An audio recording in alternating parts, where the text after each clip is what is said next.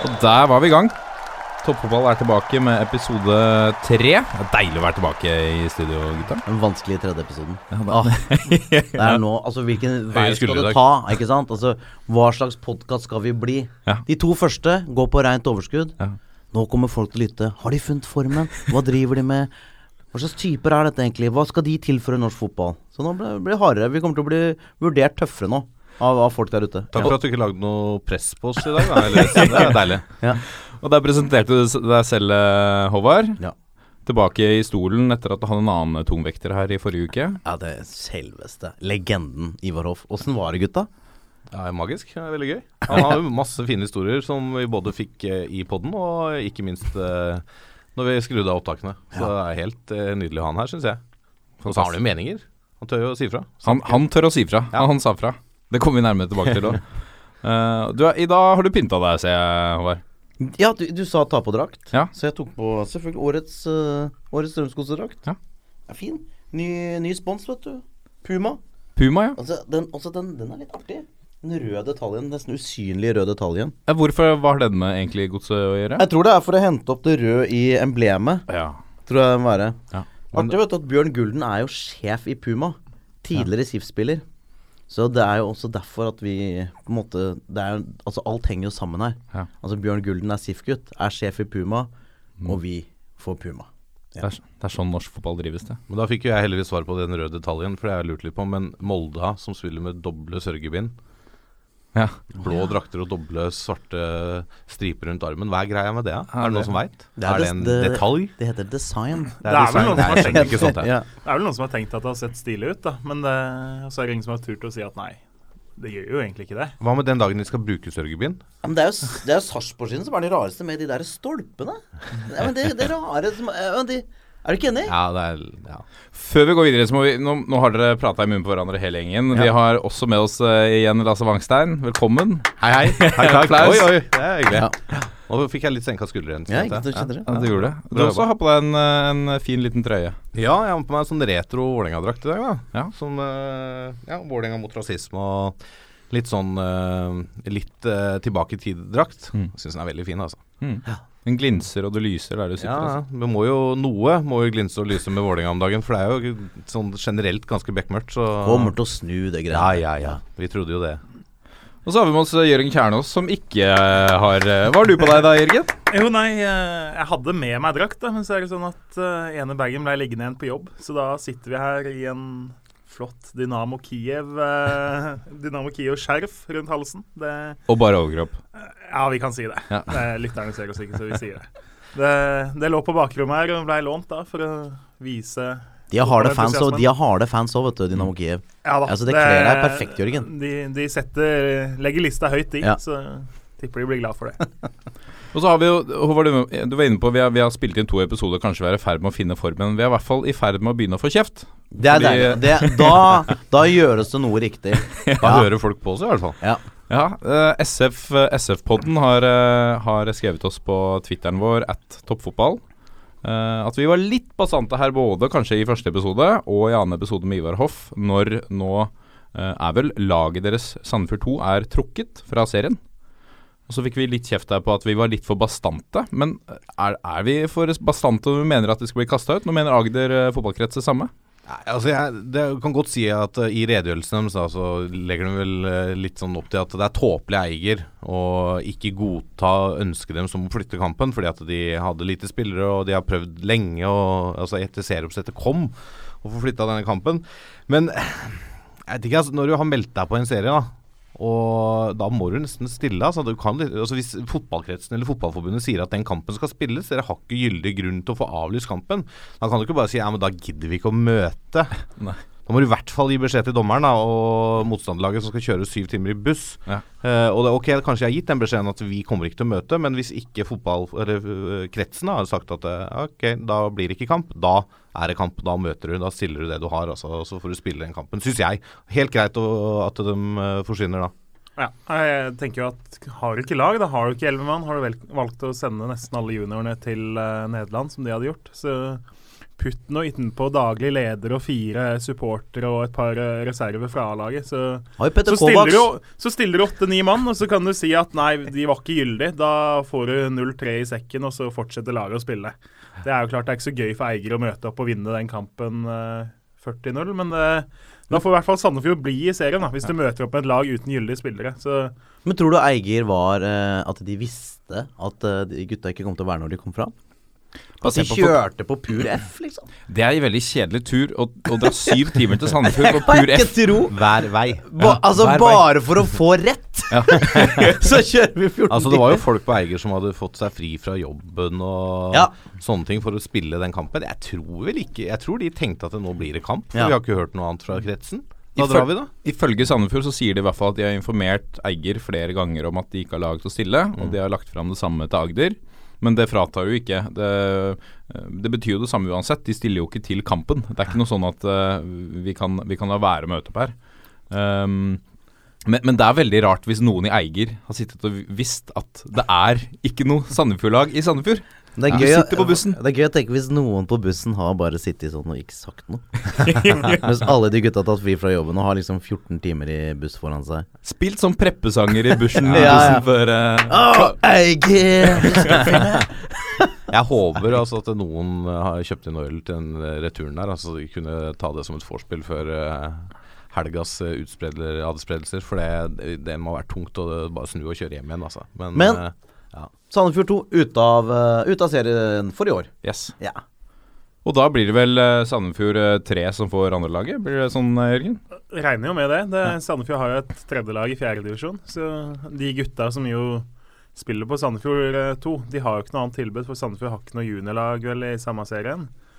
Eh, og da må jo de enten så må de jo spille i fjerdediv, eller så må de finne seg noe annet sted å spille fotball. Mm. Så det er vel kanskje muligheter for noen av naboene til Sandefjord 2 eh, til å få lånt noen spillere i sommer, tipper jeg. Mm. Vi må Vi, vi kunne jo uh, tydeligvis uh, snakka om Sandefjord uh, veldig lenge. Men Nå er eh, ikke vi Sandefjord på den. Nei, vi, vi, vi er ikke SF-poden, nei. nei, vi, det er- toppfotball er vi. Ja, det er, det er ok spennende. Ja. Nå kan vi gå videre. Ja, det, er, det er greit nå. Ja, greit, da Ja. går vi videre.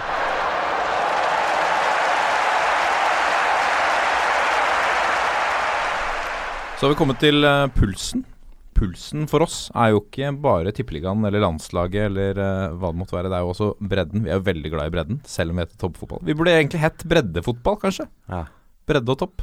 Alt, alt som har med nordmenn og fotball å gjøre. Det burde vi hett. Ja, alt, som med, alt som er norsk fotball, er toppfotball. Ferdig. Ja, ja, det er, Det er toppfotball, Det, det, det funker, det. Det er veldig sant. Og så må vi Lasse, jeg vet ikke hvor komfortabel eller hvor, hvor lei du er av å snakke om dette år ut og år inn, men stemninga i Vålerenga, vi må snakke litt om det.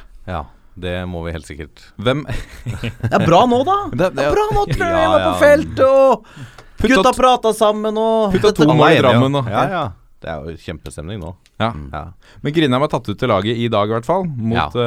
eh, Vidar. Ehm, så nå ordner vel alt seg, vel? Nå tror jeg, jeg Jeg forventer i hvert fall å se en ganske eh, punch Grindheim i dag. Mm. Uh, for det er ikke noe tvil om at eh, Grindheim ikke har spilt uh, sin toppfotball i sesongen 2016. Mm. Så at han fikk en pause bare sånn generelt, sikkert helt greit. Stengel var en av våre beste i oppkjøringa og har vel spilt to kamper fra start før den mot Godset i Tippeligaen i år. Eh, så sånn sportslig sett, helt greit å lande i en pause, men at den kommer på den måten han gjør, det er jo litt, eh, litt spesielt, kanskje. Ja. Det var jo spesielt. Alt var spesielt. Men jeg var jo på kampen i Drammen. Og etter den første omgangen der, når, når de leder 2-0, og Herman Stengel har putta på det skuddet, da tenkte jeg herregud, Rekdal. Nå har han gjort igjen sånn taktisk rar ting, og så bare funker det for han. Ja. Men det, så, nå, nå blei det jo ikke sånn. Eh, men, eh, men det var eh, det, det er jo noe med fyren, ass. Og, eh, og alt han tar i, det er, det er aldri stille. Det er Kjetil Rekdal her. Nei, det er ikke det. Men også Kjetil er en mann med Han er ganske altså han, er jo en eh, mann med mye meninger, da, først og fremst. Han er jo en vinner! Ja, han er jo, han, han er jo det man kaller en vinnerskalle. Ja. Og det er jo ikke alle som kanskje tar det like greit. Og så er han direkte. Mm. Eh, og så er det ikke kanskje alltid han er på feltet hele tida. Altså, han er litt den manager-typen. Ikke nødvendigvis Nå er han mer på feltet nå enn kanskje litt tidligere, men han har to gode assistenter under seg som håndterer mye av det daglige på feltet. Men det er klart, det er jo til syvende og sist da, han som har ansvaret for resultatene. Han er, han er sjefen, og han er Trøims mann. Altså, det, det, Investoren som eier 99% av klubben, eller hva det er, han vil ha Kjetil Rekdal. Så jeg ser liksom ikke for meg sånn umiddelbart, da, selv om Trøim er forretningsmann, at Reka får sparken heller, da. Da skal det gå ganske gærent, selv om kanskje en spillergruppe jeg vet ikke om en spillergruppe har prøvd å sparke den hvis det har vært uh, mistillit til Reka, men uh, det virke, kunne jo nesten virke litt sånn, i hvert fall på det som kom ut før godsekampen, når liksom Vele går ut og sier at vi, skulle gjerne hatt Grindheim på felt i dag. Når vi- Men det er likevel Det er ikke så oppsiktsvekkende at han Nei, sier det. nei, nei, det er jo At ikke han det. ville ha Du så han var litt ukomfortabel, Ja. uh, men han var tross alt da visekaptein og måtte stå der og svare. da Men så, så ble det snakket om, i hvert fall av, eh, ut fra TV-reportasjen, at uh, spilleren har sagt at det virker som Rekdal mangler energi, at han har mistet lysten. Er det en mental forandring hos Rekdal uh, og kanskje Grindheim nå som gjør at Vålerenga skal snu det, Jørgen? Altså Før de andre gangene Reka slutta i Ålesund og han slutta i Vålerenga forrige gang Jeg syns han ligner litt sånn væremåten hans nå, sånn som han var da. Han var litt lei, var litt kranglete, var litt spissere på en måte i det han meldte. Eh, så klart han trenger jo kanskje å få Om han er sikker på at han har virkelig lyst til det her, det er jeg faktisk usikker på. Han er Eh, følelsesmenneske, vet du. De, Han de, har alltid vært det. Ja, Men ikke sant, han har gått inn med dette med hud og hår igjen. Og han, jeg vet at han bryr seg virkelig om Vålerenga. Det har han gjort uh, siden før han uh, ble henta inn på leiekontrakt uh, på 2000 under Nordli der. Og, men så, det er som Geir Bakke sa en gang, tidligere assistenten hans sa en gang i tida, da, det å være tre år i Vålerenga, det er som å være ni år i en annen klubb. Det. Ett år er tre år, for det er, det er noe helt eget med å være i Vålerenga på mange måter. da Ja. Med det trykket rundt og de forventningene som er, selv om resultatene ikke er der, og hele den pakka der. Så det er klart at man går litt tom til tider, både som trener og spiller i den klubben, det har jeg sett eh, åssen fungerer fra innsida, og det har jeg fortsatt forståelse for at det kan skje. Mm. Det, Men så er det ikke litt spesielt at det er eh, hovedinvestoren, hovedeieren i Vålerenga, som er inne og megler mellom en spiller og en trener? Hvis det, er, hvis det er sånn vi har fått det presentert. Det er ikke så ofte. Det er, du har kanskje et samme tilfelle i Molde, men du vil ikke eh, Men nå er det ikke så mange kanskje igjen i administrasjonen til Vålerenga? Er det det som er Det er litt skralt der òg, da. Ja. Eh, jeg tror det var 16 stykker på heltidsansatte da jeg slutta for eh, litt under tre år siden. Nå Ja. er det vel fem-seks. Men, altså, men jeg tror det er viktig at Trøim er der og viser seg fram litt, så ikke det bare snakkes om at Trøim mener og sånn er, og det er han som til syvende og sist bestemmer. Men at han går inn i en spillergruppe og sier at vet du hva gutta, vi har fortsatt trua på dette prosjektet, og jeg skal satse, vi skal satse, vi har en ny stadion neste år, og sånn er det. Kanskje få roa det lite grann, og kanskje han også har sagt at eh, ja, enten liker du det, eller så liker du ikke. Liker du ikke, så kommer det et nytt overgangsvindu til sommeren, så skal vi sikkert klare å finne en ny klubb til deg. Altså, altså, så brutal kan fotballen være. Og Det får den være. Hvis du ikke gidder å spille under reka, så får du gå og si ifra at eh, nei, da jeg har lyst til å gjøre noe annet. Så, hvem, hvem er den beste til å snu dette? her? Er det, er det Kjetil Rekdal? Er det uh, Ronny Deila? ja, Hva- Håvard Ronny Deila hadde vært fin. Det, det hadde jeg Det hadde jeg hata skikkelig. jeg, jeg hadde hata alt ved den ideen til Ronny Deila på Valle. Ja. Ja, det hadde jeg syntes vært helt jævlig. Ja. Jeg, jeg tror ikke det skjer. Uh, jeg tipper han vil noe annet. Men, eh, men jeg er ikke inne i huet til Ronny Deila. Det er bare Ronny Deila som er. uh, men jeg tror ikke det. Uh, for det er jo det er jo kommet en liten sånn smørbrødliste her med, med folk som uh, kunne tatt Vålerenga. Og Kjetil er jo en av dem. Mm. Eh, han eh, Altså, han har jo Nå har det vært litt stusslig i Vålerenga nå, men eh, Altså, han tok det til gull forrige gang, og han tok Ålesund til to cupgull. Altså, han er på en eller annen måte Han er også en sånn fyr at det, Får du Reka litt glad, eller får du det til å rulle, så er han en sånn fyr som kan hente deg titler. Ja. Han har titler i seg. Han er en det- av de mestvinnende trenerne i norsk fotball. ja, og, men det, det, og det er ikke alle trenere som har. Det er massevis av kjempefine fotballtrenere som er gode til å sette sammen lag og få gutta til å jobbe sammen, men som ikke er sånn titteltrenere. Men han er det. Eh, så han, eh, han må i potten på tross av alt eh, det mørke som, eh, som er der oppe nå. Eh, Og så ser jeg at Tom Nordli står på lista, og da merker jeg at da begynner jeg å smile med en gang. Jeg, ser, jeg bare ser det navnet. Uh, Dette, jeg må bare skyte ut, dette er lista som vi har satt opp i toppfotballredaksjonen, så det er jo Jeg vet ikke om alle nei, har nei. disse Dette er en mail vi har smugla Vi har hacka oss inn Ja. på Trøim sin uh, egen uh, laptop. Nei, det, ja, det, det er jo det er, det er vi som har forberedt, ja. Men jeg bare ser nedover. Tom Nordli. Tenk Hvis Reka hadde fått sparken nå, og Tom Nordli hadde kommet inn jeg, jeg, jeg tror heller ikke det skjer. Nei. Det hadde jo vært litt gøy med tanke på at Skeid jo ikke er så glad i at en del spillere har gått til Vålerenga. da, Så om det teoretisk sett- hadde skjedd at Vålerenga stjal Nordli fra Skeid, så hadde det Tom Nordli får fire kamper i Skeid, og så blir han henta tilbake til Vålerenga. Det hadde vært helt konge. Ja, hadde- Bare pga. det. Hadde du hatt trua på det? Hadde du hatt trua på det prosjektet? Eh, hvis det hadde vært et korttidsprosjekt, ja. Fordi jeg tror Tom Nordli er en sånn kan du ikke. Du kan ikke ha et Nei, jo, men Tom Nordli tror jeg er helt perfekt i sånne korte perioder. For han, er, han også er ganske mye Mm. til tider.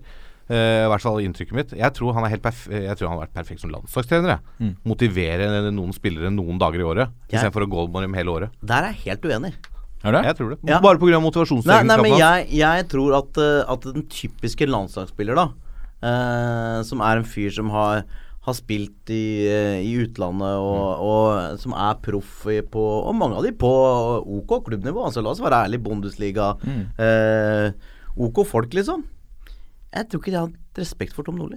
Nei, det er sant. Det er Jeg, vant- ja, men jeg tror liksom. det kunne vært et problem. ja. ja, det er jo kanskje et poeng.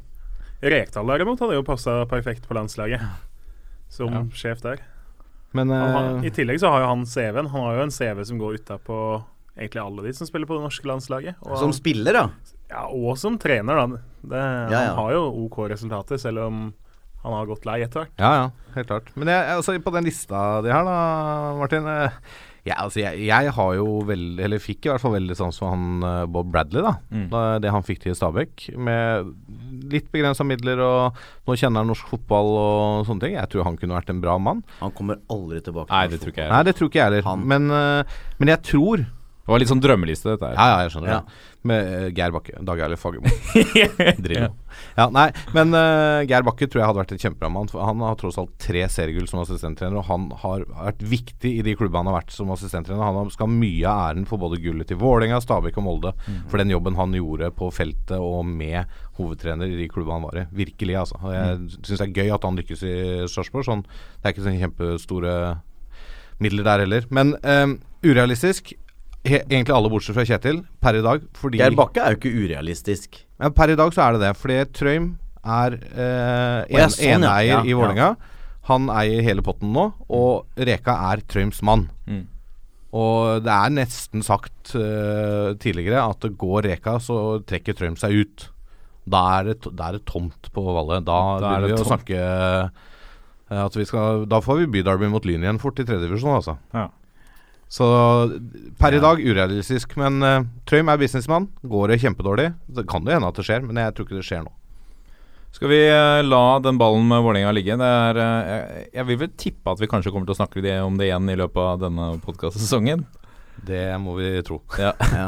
Ja. Men, men jeg snakker litt om hvordan de, de framsto nå forrige helg. ja. For at det er jo ikke Når du følger et annet lag, så får du ikke alltid se Altså Jeg får jo ikke sett alle tippeligalag hele, hele tida, men da så jeg jo, så jeg jo mot, uh, mot Godset.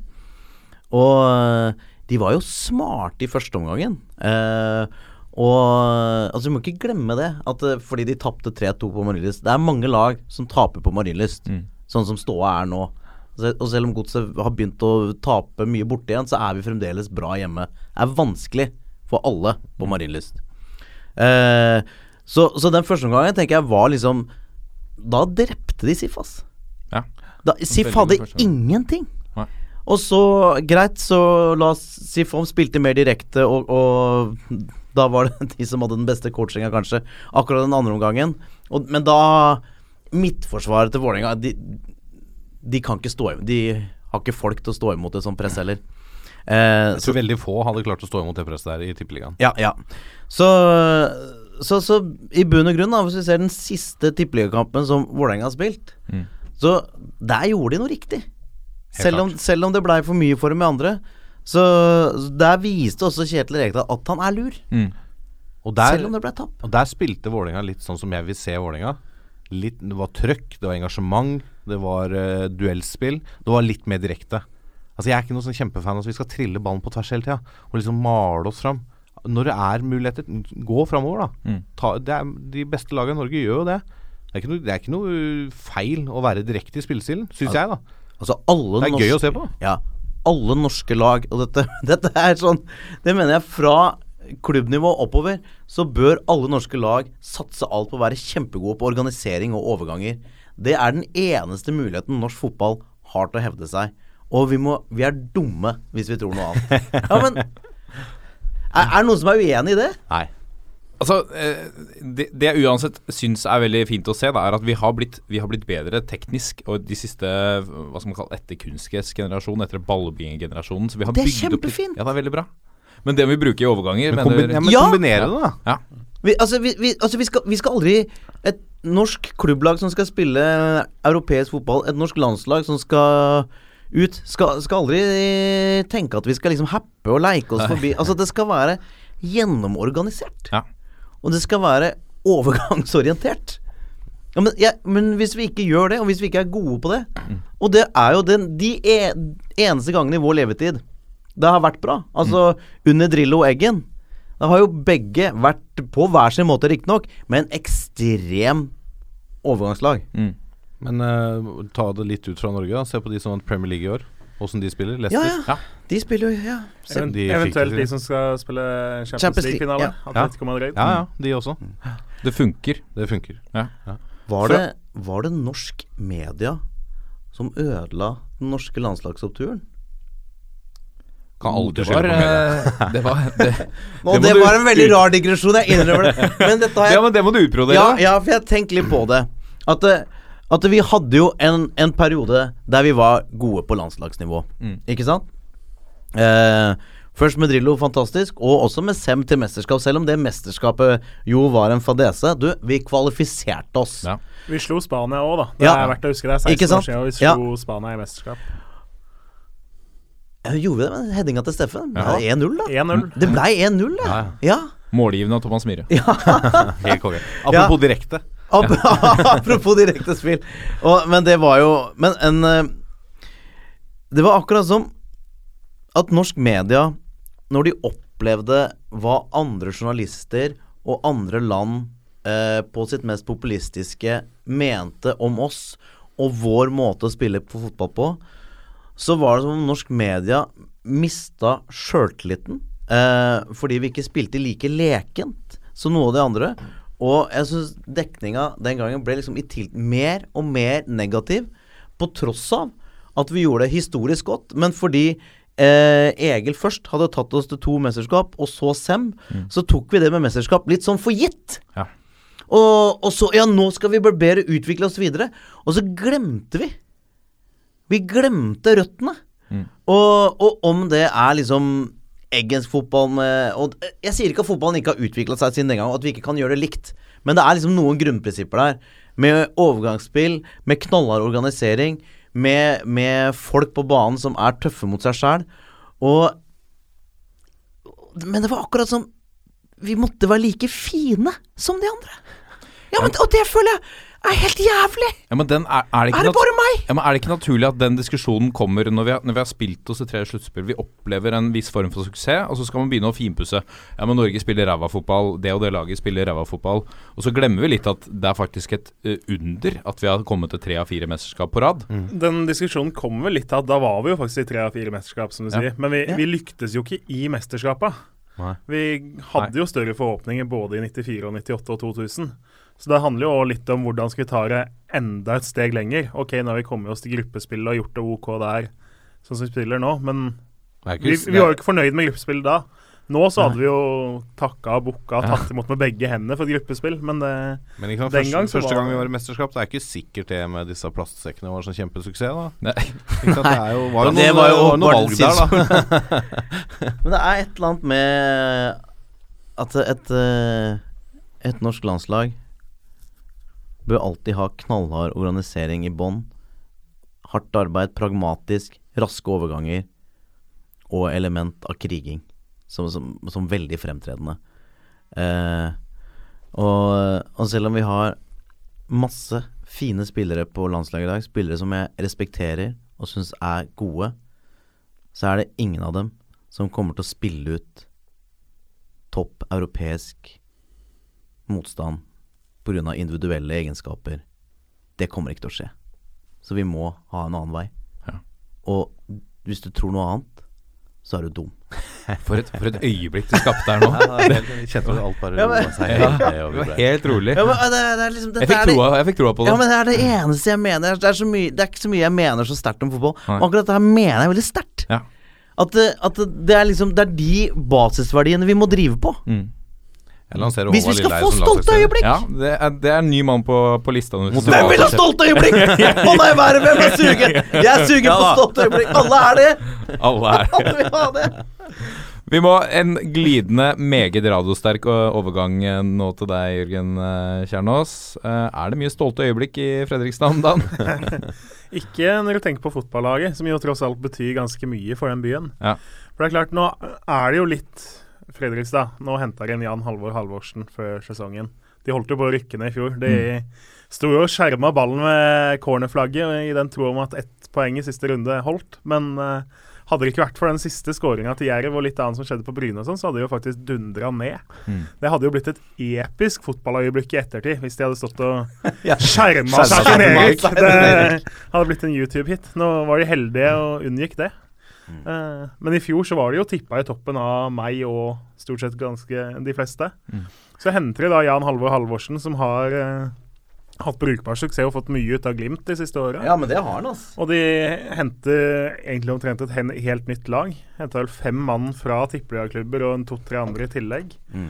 Uh, så De så jo ut som en klar opprykkskandidat. Sammen med Sandefjord og Sandnes Ulf så så de jo ut som de tre sterkeste lagene. Mm. Fasiten er én seier, to uavgjort og seks tap på de ni første kampene. Det er jumboplass på nivå to i norsk fotball. Det er det, altså. Og det er, det er ikke noe at de kan si heller at eh, de har fått dårlig betalt og stang ut. Det, nå tapte de 0-3 borte mot Åsane og blei, om ikke rundspilt, så i hvert fall nivået før rundspilt. Det, Åsane er et fryktelig uglamorøst lag. Det, de spiller på en vanskelig gressmatte og veit akkurat hvor begrensningene ligger. Det er, apropos det vi snakka om i stad. Åsane veit hvor begrensningene Ja. og styrkene ligger. Hva er det han heter, han eh, fantastiske med den korte Jan Ove Vik. Ja, Men han ja, ja. er dessverre på benk nå, men det Er han blitt benka? Ja, Hva kan cap'n, da? Han er kaptein på benk, dessverre. men det I er hvert han fall Fredrikstad mangla totalt glød og entusiasme og innsats og liksom alle de der grunnelementene du trenger i fotball, uansett hvor god du føler deg. da. Men det bare, Det, det så ut som et lag som ikke orka, ikke ville. De blei utkjempa totalt, og det har nesten vært gjennomgangsmelodien i hele år, da. Fredrikstad har spilt helt OK i en del kamper, men har liksom mangla helt den der viljen som er forskjellen på ett eller tre poeng eller null og ett poeng. Og det, det er, det er jo bare trist å følge med på. Altså, jeg, jeg kaller Fredrikstad en fotballby, altså. For mm. jeg syns det er det, og det er bra, egentlig bra engasjement rundt laget. og de har fått en fin stadion, og det er liksom Jeg, jeg syns det er trist at de roter som de gjør. Altså, det er eh, Jeg har sett noen av kampene, jeg er litt enig. Jeg mangler den der engasjementet, den gløden og eh, vilje, virker det som. Jeg kan ikke gå til en fotballspiller og si at han ikke vil vinne. Men, eh, for det vil de, men, og de prøver sikkert så godt de kan. Men, men det virker som det er noe som mangler der. Altså, det er noe som ikke funker, og hva det er, det er vanskelig å si. Har, har Spiller de noe annerledes enn før? Altså, spiller de noe Eh, annerledes enn det Jan Halvor egentlig er god på? Altså 4-3-3 og Nå spiller de akkurat sånn som han er god. Altså Det er 4-3-3 og uh, det som er planen. Ja. Men han har jo nesten ikke Nå bytta de litt på laget, fikk inn litt muskler til den kampen her, men det funka ikke det heller. Ellers har han egentlig kjørt på med De har jo en ganske bred stall. Mm. Har jo tross alt en kar Altså Roger Risholt er jo ikke i 18-mannstroppen, stort sett. Steffen Nystrøm har vist litt. Mats Kaland er Monir Ben Mossa, som var ganske god i Bærum i fjor. De har jo liksom Aalbu? Ja, Aalbu har vært uh, ute av laget. De Ja. har jo liksom litt navn og litt kvaliteter på benken, Mm. da. men likevel så har de stort sett kjørt på med samme elleve eller bytta én mann. Så det er liksom 12-13 som har spilt nesten alt, selv om de har en bred stall. da. Mm. Men kan det være litt at han har på en måte undervurdert hva Obos-ligaen er? At uh, å spille bra 4-3 i Tippeligaen er jo ofte Det er en velfungerende formel, men uh, Obos-ligaen er jo en veldig kalk- og fighterliga. Har han undervurdert liksom elementet av at alle kommer for å for å gutse alt mot dem og bare lokke igjen og ta overgangene? Ja, de må jo, du må spille på de styrkene, og det tror jeg ikke de har gjort helt, nei. Det, det er litt samme som Hødd driver med òg nå, som har fått inn Hans Erik Eriksen. Eh, en, trener, en flott trener som har ambisiøs spillestil. Eh, det gikk dundrende ned, eller det gikk jo ned i siste sekund med Follo i fjor, og nå Hødd driver og trøbler med samme med den stilen, så det er klart at Han har gjort Jo- det bra i Follo lenge, da. jo, jo mer kynisk du er, på en måte, jo enklere du spiller, og jo mer du satser på dødballer. Nå, nå tapte Levanger 5-0, de snakka vi om sist, eh, men det, det er en ganske høy dødballandel som de har scora på så langt. Det, dødballer, innsats, da det, det høres enkelt ut, men det liksom jo enklere det er, jo bedre er det nesten i den ligaen. Vi hadde jo Håvards uh, vakre monolog her i stad om landslag og fremtiden til norsk fotball. Men, men vi, vi, har, vi har et landslag her som, som skal opp mot en eh, hva, hva blir det? Er det en B-lagskamp, eller hva, Det mot Portugal? Hva? Nei, det kan jo ikke være det. For Portugal stiller jo med alt de har, bortsett fra de to som eh, skal spille Champions League-finale for Real Madrid. vi, jo, vi stiller jo egentlig med alt vi også har. Vi stiller med det vi har, Ja. og litt til, virker det som. Ja. Eh, For det nå kommer jo Jeg klarer liksom ikke det å ligge helt, da, landslagsuttaket til Per-Mathias. Mm. For det kommer jo tre nye spillere nå etter helgens runde, og da tar han altså ut Niklas Gunnarsson. Ut i landslagstroppen. Niklas Gunnarsson har spilt uh, landslagsfotball opp til U23. Han er da utleid fra Vålerenga til Hiberian på nivå 2 i Skottland. Og spilte syv minutter i årets største kamp i helgen, eh, i cupfinalen mot Rangers, som de vant da når de skåra på slutten her. Han er nå A-landslagsspiller. Og skal vel eh, stoppe kanskje ikke Ronaldo med Nani, eller eh, Ja, kanskje andre. noen sånne. Og, og jeg, jeg har eh, Ikke for å disse Niklas Gunnarsson, altså, men jeg klarer liksom ikke å se at han har blitt landslagsspiller på den perioden sin i Iberian. Jeg tror det er litt fordi han er den eneste forsvarsspilleren som har proffkontrakt i en klubb som ikke spiller i Skandinavia. Mm. Omtrent. Å ja, fordi de kan ikke bruke Nei, for det er runde vet du, i Sverige, Danmark og Norge. Så alle norske Ja, ja. spillere er utilgjengelige, da. Ringstad i Braga. Ja, han er kanskje ikke skada. Han er alltid skada. Er han det? Ja, det tror jeg.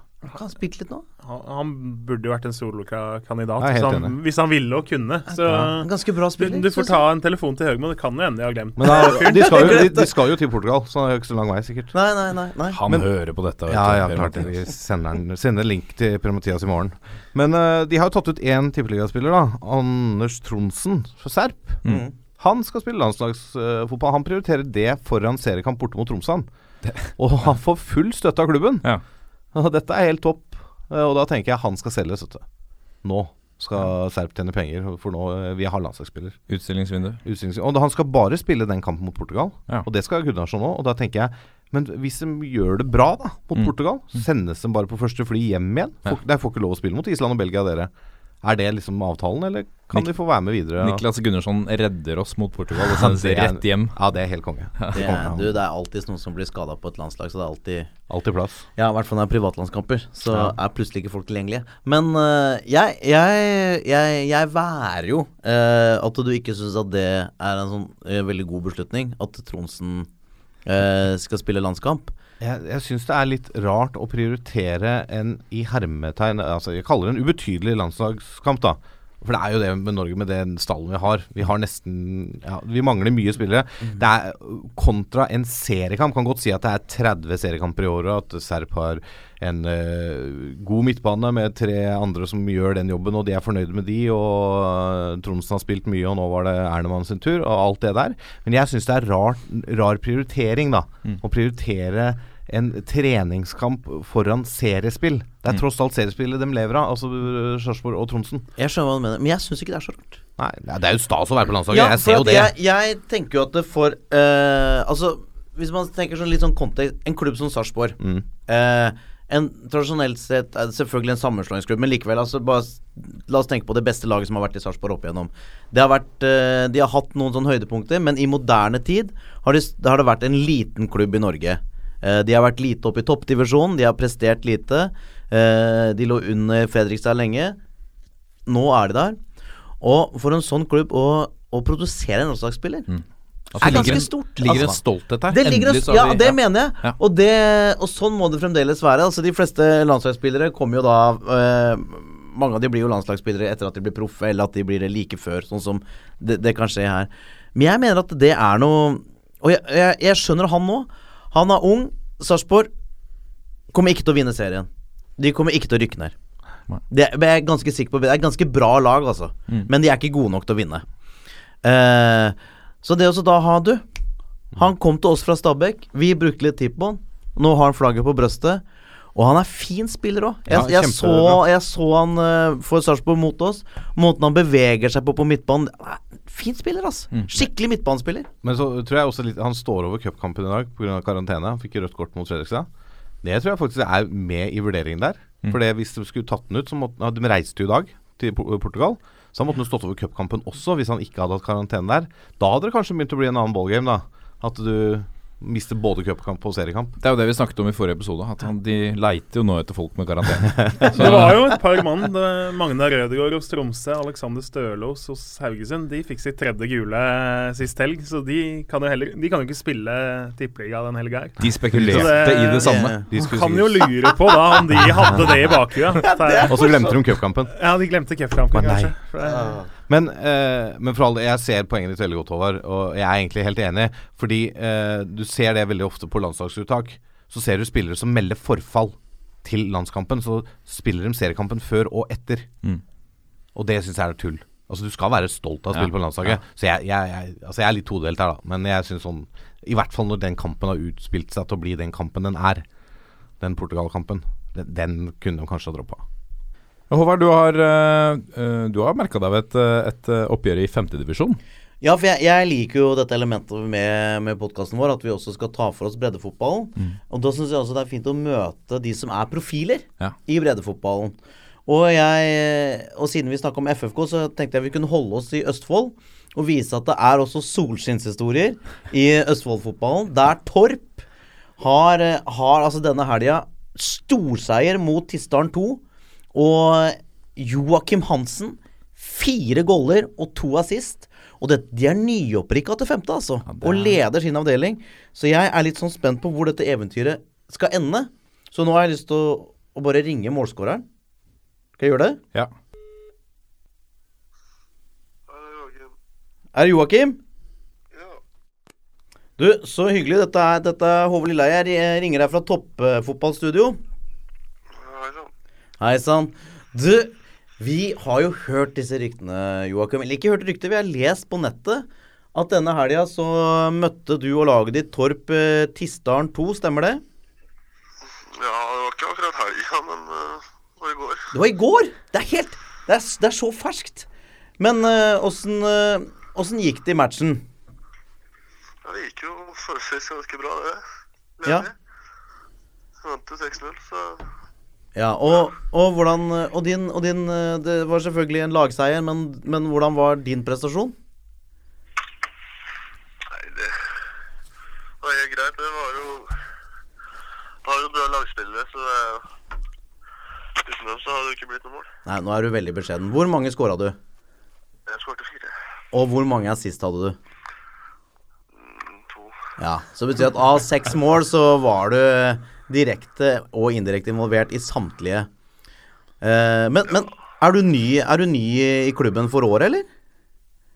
Jeg kom til den eh, i år, ja. Jeg har vært der eh, før, da. Ja. Hvilken klubb var du kom fra? Borgar heter det. Å ja. Men dere er altså nyopprykka i, i femte, og så leder dere allerede serien. Hvor, hvor kan Torp-eventyret ende, tror du? Nei, vi satser på, på toppen her, da. Det skal opp til fjerde? Ja, Det er et eller annet med noe seriesystem nå, så vi kan ikke røkke opp, tror jeg. Men det er så mange som røkker ned, da. Så vi vil jo i hvert fall beholde plassen. Det vil vi jo. Ja, og spille i en litt gjevere femtedivisjon. Ja. Ja. Håper, håper på det, da. Og, og da? Hvor, hvor, hvor mange kasser håper du å få i løpet av sesongen? Jeg vet ikke. Så mange som mulig. Ja. Får vi helt uh, Får vi se. Men, men, så, Jeg er fornøyd hvis de bare vi vinner, jeg. ja. Nå er jeg fornøyd. men, men når, du, når du da er ny i klubben, og så putter fire og har to assist eh, Tenker du at du også er en spiller som kunne prøvd deg på høyere nivå? Nei, jeg vil ikke si det. Jeg vil ikke si det. Det Nei. er nok ikke kona til. Det er eh, eh, Det er jeg nok ikke. Hvor, hvor, hvor gammel er du, Joakim? 23 er jeg. 23, ja. Så det er klart at hvis du begynner å, å jobbe sånn planmessig med trening og, og sånn, så, så hvis du tar divisjonene og, og Du veit, altså på alle nivåer så trenger du folk som kan putte fire i en match. Ja, det er bare snakk om én kamp, da. Det er jo ikke noe Det er ikke så eh, stort, vil jeg si.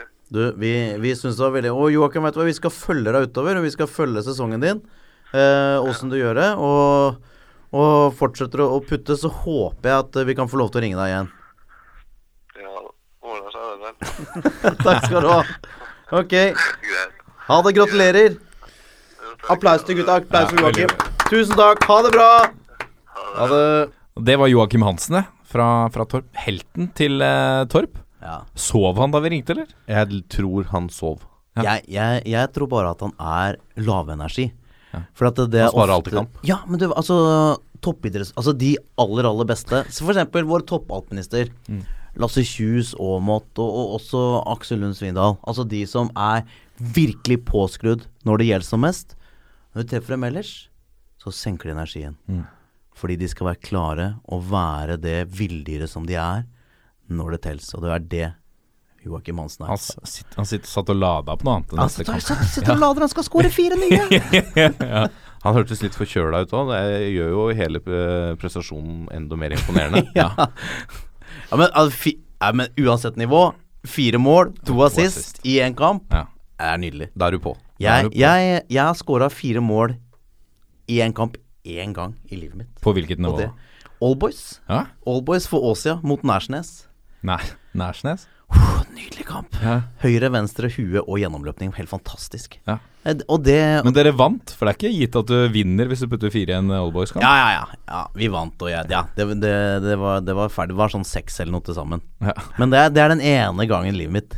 Fire kasser i én match. Og det, det fikk han òg. Og det, jeg tenker, hvis han leverer det i femte, altså, hvorfor kan ikke han levere det i tredje? Og hvis han først leverer i tredje, hvorfor ikke Obos? Ja. Og så Du veit. Du har jo, eh, du har jo suksesshistorie. Jamie Wardy i Leicester. Folk som går gradene, bygger seg opp altså, i, i de lavere ligaene. Er, det, er Joakim Andersen vår Jamie Wardy? Han kan bli vår, vår Jamie Wardy! Joakim Hansen. Ja, ja, men det er greit. Ja. Ja. Vi, vi kommer til å lære oss det navnet. ja. Så det går helt fint at du sier feil nå, Martin. Vi skal følge Joakim Hansen. Jeg måtte sjekke nå. Jeg ser de har toppkamp neste gang mot Sprint Jeløy 3. Da Oi, oi, er, det er de to lagene som ligger som nummer én og to på tabellen. Og begge, da- og begge har to seier, eller? Begge, de hadde 13 poeng etter seks kamper, begge lag. Så det neste gang så, Så, så smeller det. Fire nye Hansen-mål, da Ja. snakker vi Og hvem er det som skal reise ned og dekke den matchen? Er vi Martin. Stein, saks, papir, eller er det du gjør det. Vi må følge Joakim Hansen utover. Vår Jamie Wardy. Det likte jeg så godt. Ja, ja, ja, Joakim Wardy. Joakim Wardy. Mm. Vi må følge Torp, og nå må vi gå videre.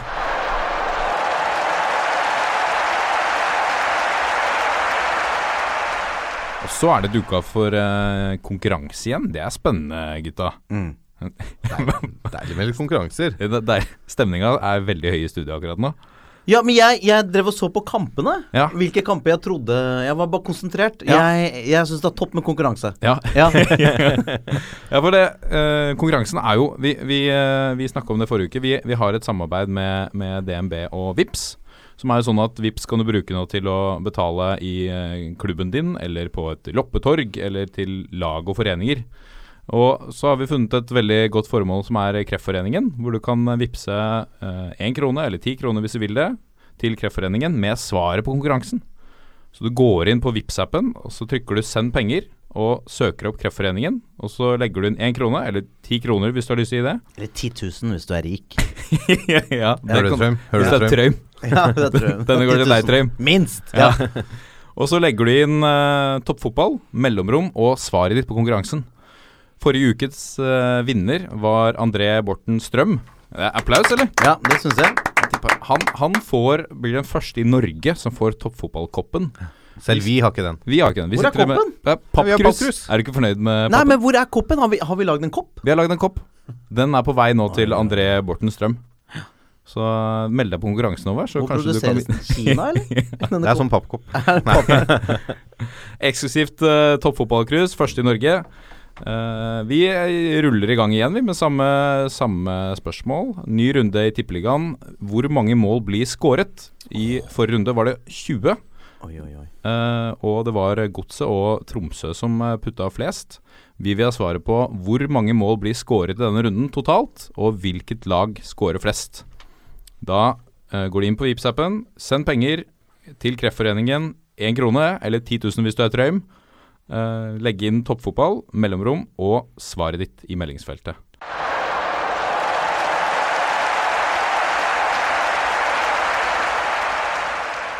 Så skal vi se nærmere på, på helgens runde i uh, vår fremste liga, Tippeligaen. Jørgen, Rosenborg-Molde.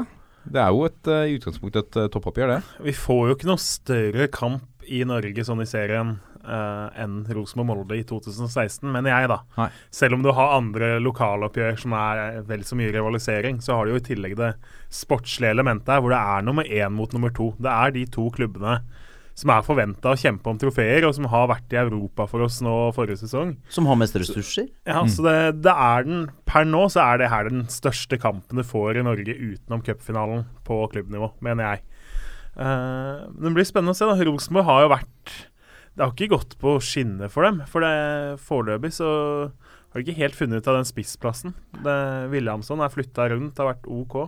Gytskjær har vært eh, OK, han òg. Han har ikke vært den derre målgeita som han håpa å få. Det Sødlund er, som du, han skulle erstatte, er ikke noe han er ikke noe høy internasjonal klasse, men han er i hvert fall et hakk over det Gytgjær har vist så langt. Så det, Men ellers så ser Rosenborg knallsterke ut. Ja, gått Det- på skinner. Det har jo gått det her. det- Ja da, 9-2-1 så langt, så, men, det- men likevel så sitter liksom med følelsen av Men i fjor så hamra de over. Da vant de 6-0 i Haugesund eh, tidlig. Nå så var de ganske heldige som faktisk fikk 1-1 der. Det, siste runde. Haugesund var vel nesten nærmest seieren. Eh, Men et helt annet Haugesund enn i fjor, da. jo da, men det, likevel så er Rosenborg mangler liksom det der eh, ekstra nivå hvor vi ofte har sett dem. Det er terningkast seks-nivået. Mm. Det er klart, de er på en fem pluss, så det, det er vanskelig å finne svakheter. Og det er jo sånn i Trondheim. Der er det så høye forventninger og, til hva de holder på med. At det, det er, altså, det, trenere i Trondheim har jo fått sparken etter å ha vunnet seriegull. Mm. Så det kan Altså Jeg sier ikke at det skjer med Kåre Ingebrigtsen, men Det skjer ikke. Og cupgull. Vant Og ikke Ola Byrise the double og fikk sparken? ja, mulig. Jeg, jeg husker ikke. Jeg mener det. Eh, det. Hvis noen kan det, så er det Jørgen. Hvis noen Ja. husker det, altså. Eh, men uansett, da. Tok, tok double i 2003, så Ja. fikk vel han fyken i, I 2004 etter Ja. Ja. en nervepirrende avslutning av Vålerenga. Ja, Det var liksom ikke godt nok at de Nei. vant serien. Og da, da ikke sant de, de, Jeg er helt enig, de har ikke hatt det derre drømmenivået sitt. Men men de, de tar poeng jevnt og trutt, da, mildt sagt. Ja, og nå, men Få se Molde, da. Eh, Jeg trodde Molde skulle være sterkere i år, men det eh, foreløpig så Nå er de fem poeng bak Rosenborg. De har ikke råd til et tap her. Nei. Det er klart Åtte poeng er mulig å hente inn på 17 kamper, men det er masete. Mm. Da har du ikke råd til veldig mange feilskjær etterpå. Uh, Men Molde har- Molde har jo en del nytt òg. De har gjort mye rart på bortebane. De har rullert mye på laget. De har ikke helt liksom funnet Der hvor Rosenborg stort sett nå er stiller ganske samme mannskapet hvis det ikke er skader, så har Molde rullert mye både egentlig i alle posisjoner. Det, den ene gangen så er det en helt ny midtbane, og så er det en ny spissduo helga etter, og så er det Forsvaret som er inn og ut med mange. Uh, Men er dette en sånn kamp som kan på en eller annen måte definere sesongen 2016? ja, At det blir det Rosenborg-seier her, så er det om ikke over, men da er de Nå er de store favoritter til å vinne. Hvis de slår Molde nå, da vil de gå til å bli skyhøye favoritter. Da går de fra å være storfavoritter til å være sånn at alle regner med egentlig at serien nesten er avgjort. Ja. Det, men sånn som jeg tenker, er at sånne kamper som liksom er, betyr så mye for begge lag, og du har det der lokale midtnorske hatet i tillegg, så må man se litt vekk fra liksom form og alt sånt, sånn som Vålerenga og Lillestrøm også har vært. Det er ikke så nøye hvordan de tre, fire, fem siste bortekampene har gått. For det, nå møter du det laget som du supportere hater, og som du, du får litt ekstra tenning som spiller. Mm. Det er ikke bare Daniel Berg Hestad som er fra Molde og sikkert hater Rosenborg, som får det, den tenninga. Du får den uansett. Spiller du i Molde-drakt borte mot Rosenborg, så får du de 5-10-15% ekstra med energi eh, til å gi alt i den kampen. Mm. Et annet eh, vel antatt, altså Odd ligger oppe i toppen her. Ditt kjære Strømsgods, eh, Håvard. Ja, det er jo det er faktisk to toppkamper i denne runden. Ja. Uh, og det er jo Odd uh, Strømsgodset, ja. Det er jo en veldig interessant kamp. Uh, Odd har jo sett veldig bra ut. Mm. Du har kanskje i det, liste, i det siste tenkt at de er bra, men kanskje ikke. Så fant, altså, de har hatt en litt fallende kurve. Eh, mens godset er jo som godset noen ganger er. Kjempegode hjemme og eh, svake borte. Ja, men det, altså, Ikke svake, men vi, altså, vi har også hatt litt sånn Den Stabæk-kampen, der var vi kjempeheldige. Eh, og vi roter bort seier i, eh, i Kristiansand, som er jo også et, eh, et veldig svakt startlag. Så man kan jo si at alle poeng borte er bra, men, men likevel, og vi har tapt en del borte. Odd borte er en virkelig sånn lakmustest for hvor Bjørn Petter Engebrigtsens eh, prosjekt står. Mm. Altså, hvis vi får med oss noe fra Varden Amfi, da er det bra. Ja, men da da er det skikkelig bra. Og jeg vil si at Odd er nesten 70-30, 80-20 Altså, de er storfavoritter til kampen, gitt hvordan vi er borte. Og de har liksom Odd har ikke mista noen, vet du. Og de har fått Sem Berge. Altså, det er et knallsterkt kollektiv, og alle veit hva de skal. Prøver du Eh, å snakke ned eget lag her nå, eller? Hæ? Prøver du å snakke ned eget lag? Nei, men vi er dårlig borte! Jeg, jeg synes ofte jeg ser SIF borte. Det er et godt lag, da. men altså, borte mot Molde så var det sånn Vi hadde ikke kjangs. Altså, ja, men det var sånn Du kan si at eh, vi At uh, Vålerenga borte mot SIF nå, de hadde en god omgang, og så ble de tatt av SIF. Altså, når vi spilte i Molde, den, den, den så jeg på TV-en. Og det var sånn Altså, Molde var mange hakk bedre, og da kom vi akkurat fra en sterk Lillestrøm-seier hjemme. Og da får du den der som du ofte får med SIF, at det Kan det være så stor forskjell på borte og hjemme? Er det virkelig mulig å falle så langt? Det kan jo det, når du ser de to omgangene i forrige kamp. Ja, ja, ja.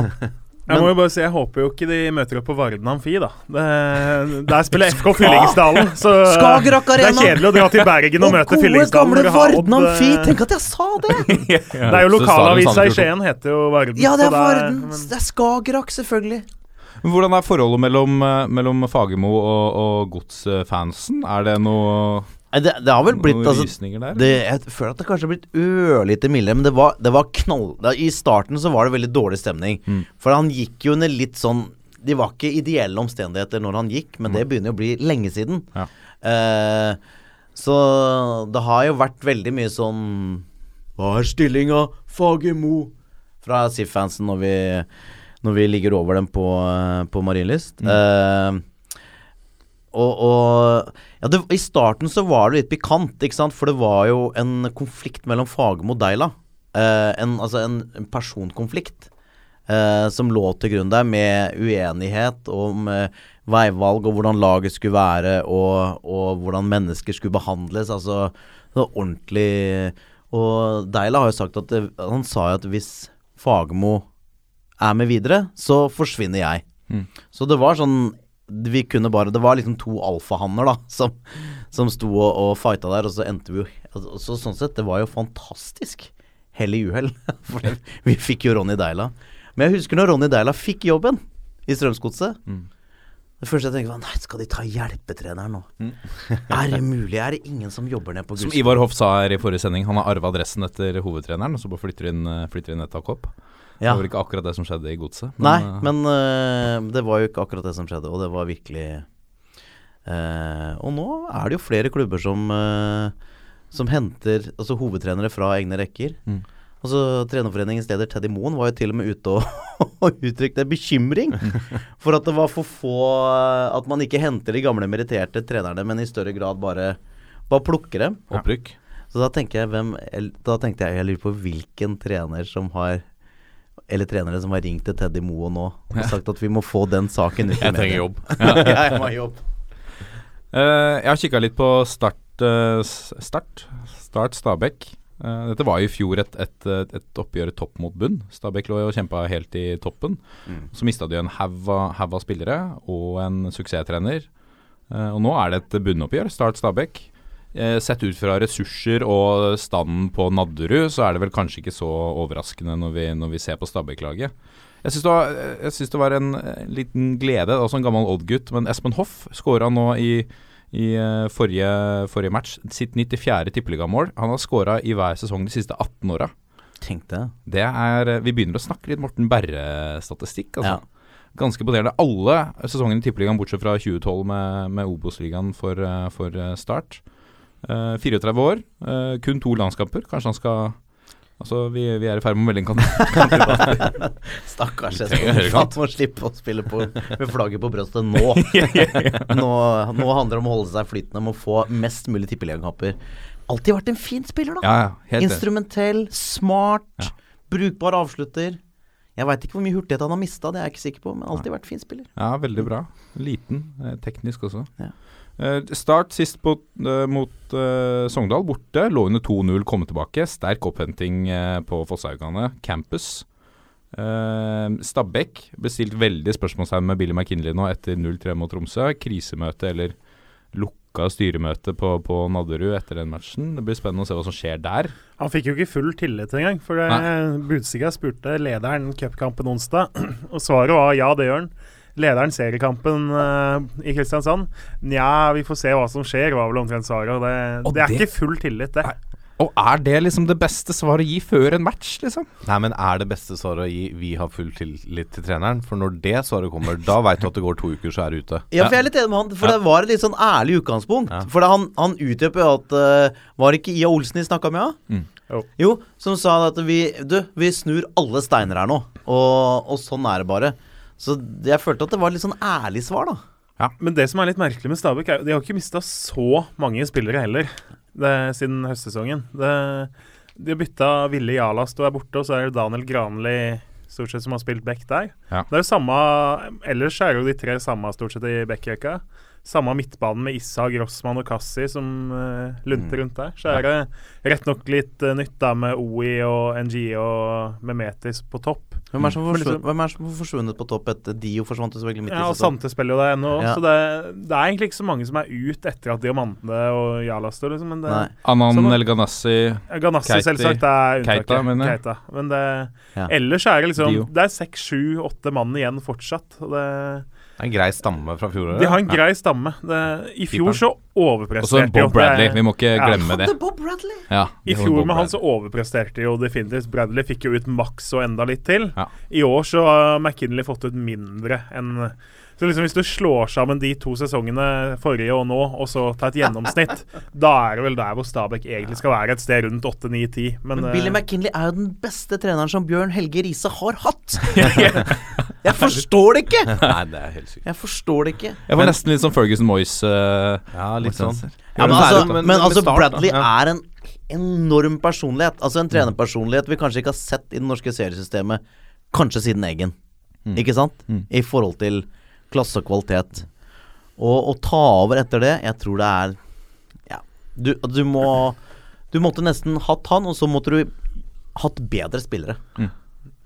Bradley har en enorm respekt og autoritet. Og med, altså, han trenger jo ikke noe tid, han. Det er Med en gang han kommer inn i et rom, så setter han tonen og styrer det rommet. Ja. Jeg var dekka første kamp i fjor mot Haugesund, og da Bradley måtte tilbake igjen i pressesonen liksom for annen gang fordi det var en som ikke hadde rukket å snakke med ham, og var, var ikke så fornøyd med det. Så var det da etter det, når han hadde gått igjen Det har skjedd med meg òg. ja, Men da var Han blir forbanna. kjørte en spøk med han pressekaren til Stabæk. da Lata som det var én til som måtte snakke med ham. Så han trodde han måtte gå og hente Bradley for tredje gang, og det, det var han ikke så keen på.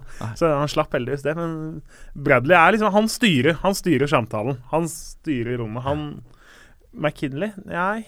Er, det er jo umulig å være som Bradley, nesten. Mm. Det er svært få trenere som har det. Altså, Det er ikke så mange mennesker som har det. Nei. Men altså, ja, du så på Bradley nå hadde Joakim Jonsson og hadde den der pausepraten med Bradley der han snakka om et eller annet de mangla struktur eller et eller annet, og hvordan han bare Han Han går snappa helt. Han, han går nesten i svart. Ja, ja, men han går bare ja, men Han er kontrollert, for, for det er bare naturlig for han å gå i konflikt. Altså Hvis han er uenig, så bare tar han konflikten der og da. Og det er jo det er, Vi er jo ikke så vant til å se på den måten, men du blir jo imponert. Unorsk kalles det vel. Ja. Vi må nesten gå litt videre til, til deg, Wangstein. Ålesund, Vålerenga.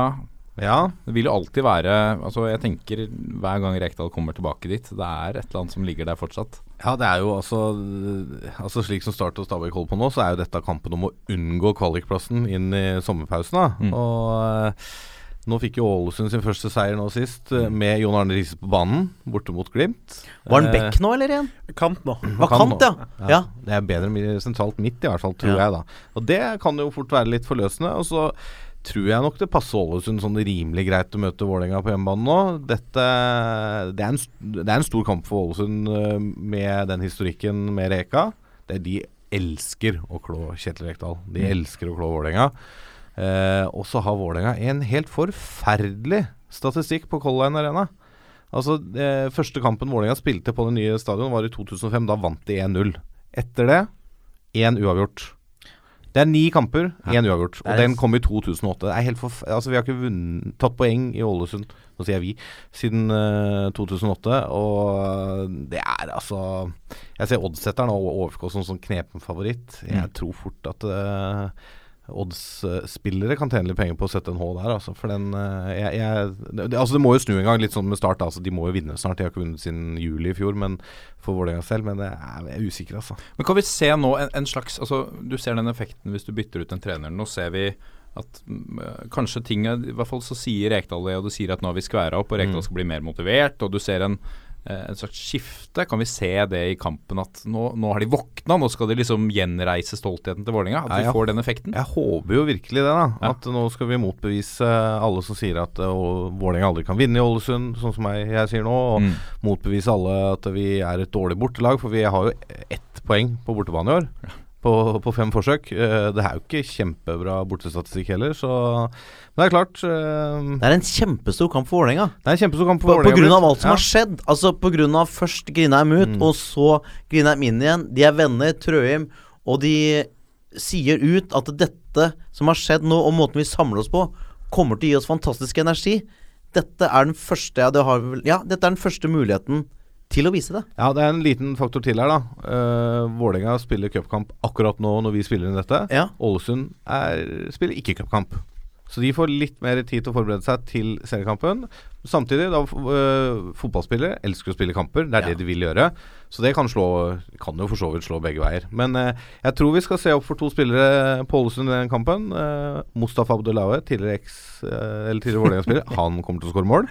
Så skal du vel ikke helt se bort ifra at Jon Arne Riise får skåra sitt første tippeligamål heller, når han først er i gang, da. Mot Vålerenga. Sånn Det, det hadde Jon Arne, det hadde Jon. Arne likt. Fredrik Karlsen er vel òg tidligere Vålerenga-gutt, ja, og skårer vel sånn én gang hvert skuddår eller noe. Så det kommer vel nå. Vålerenga må skåre fire for å vinne. Takk for kaffen. Det, tusen takk, gutta. Det var Ja. det vi rakk eh, denne uka. Um, vi er Toppfotball på Facebook, Twitter, Instagram, uh, whatever. Eh, overalt. Snap! Ta- Sna ikke Snap ennå. Kan ikke du lage en Snap, av Håvard? Veit ikke hvordan man gjør det. Gå gjerne inn og, og legge inn en omtale på, på iTunes. Da blir vi veldig glad. Og gjerne med et spørsmål. Hvis noen har et spørsmål, så vil vi gjerne svare på det. Vi har uh, Flere av gutta her har ganske god peiling, eh, mener vi. Uh, så er vi tilbake nest... Så er vi Hva har du satt i gang nå? Håvard? Han snakker med Siri. Siri, Siri er ikke tilgjengelig. Siri melder godset-match her nå. Tusen takk for i dag, eh, gutta. En glede. En glede. Tusen takk. Takk for i dag. Veldig gøy. Takk for i dag.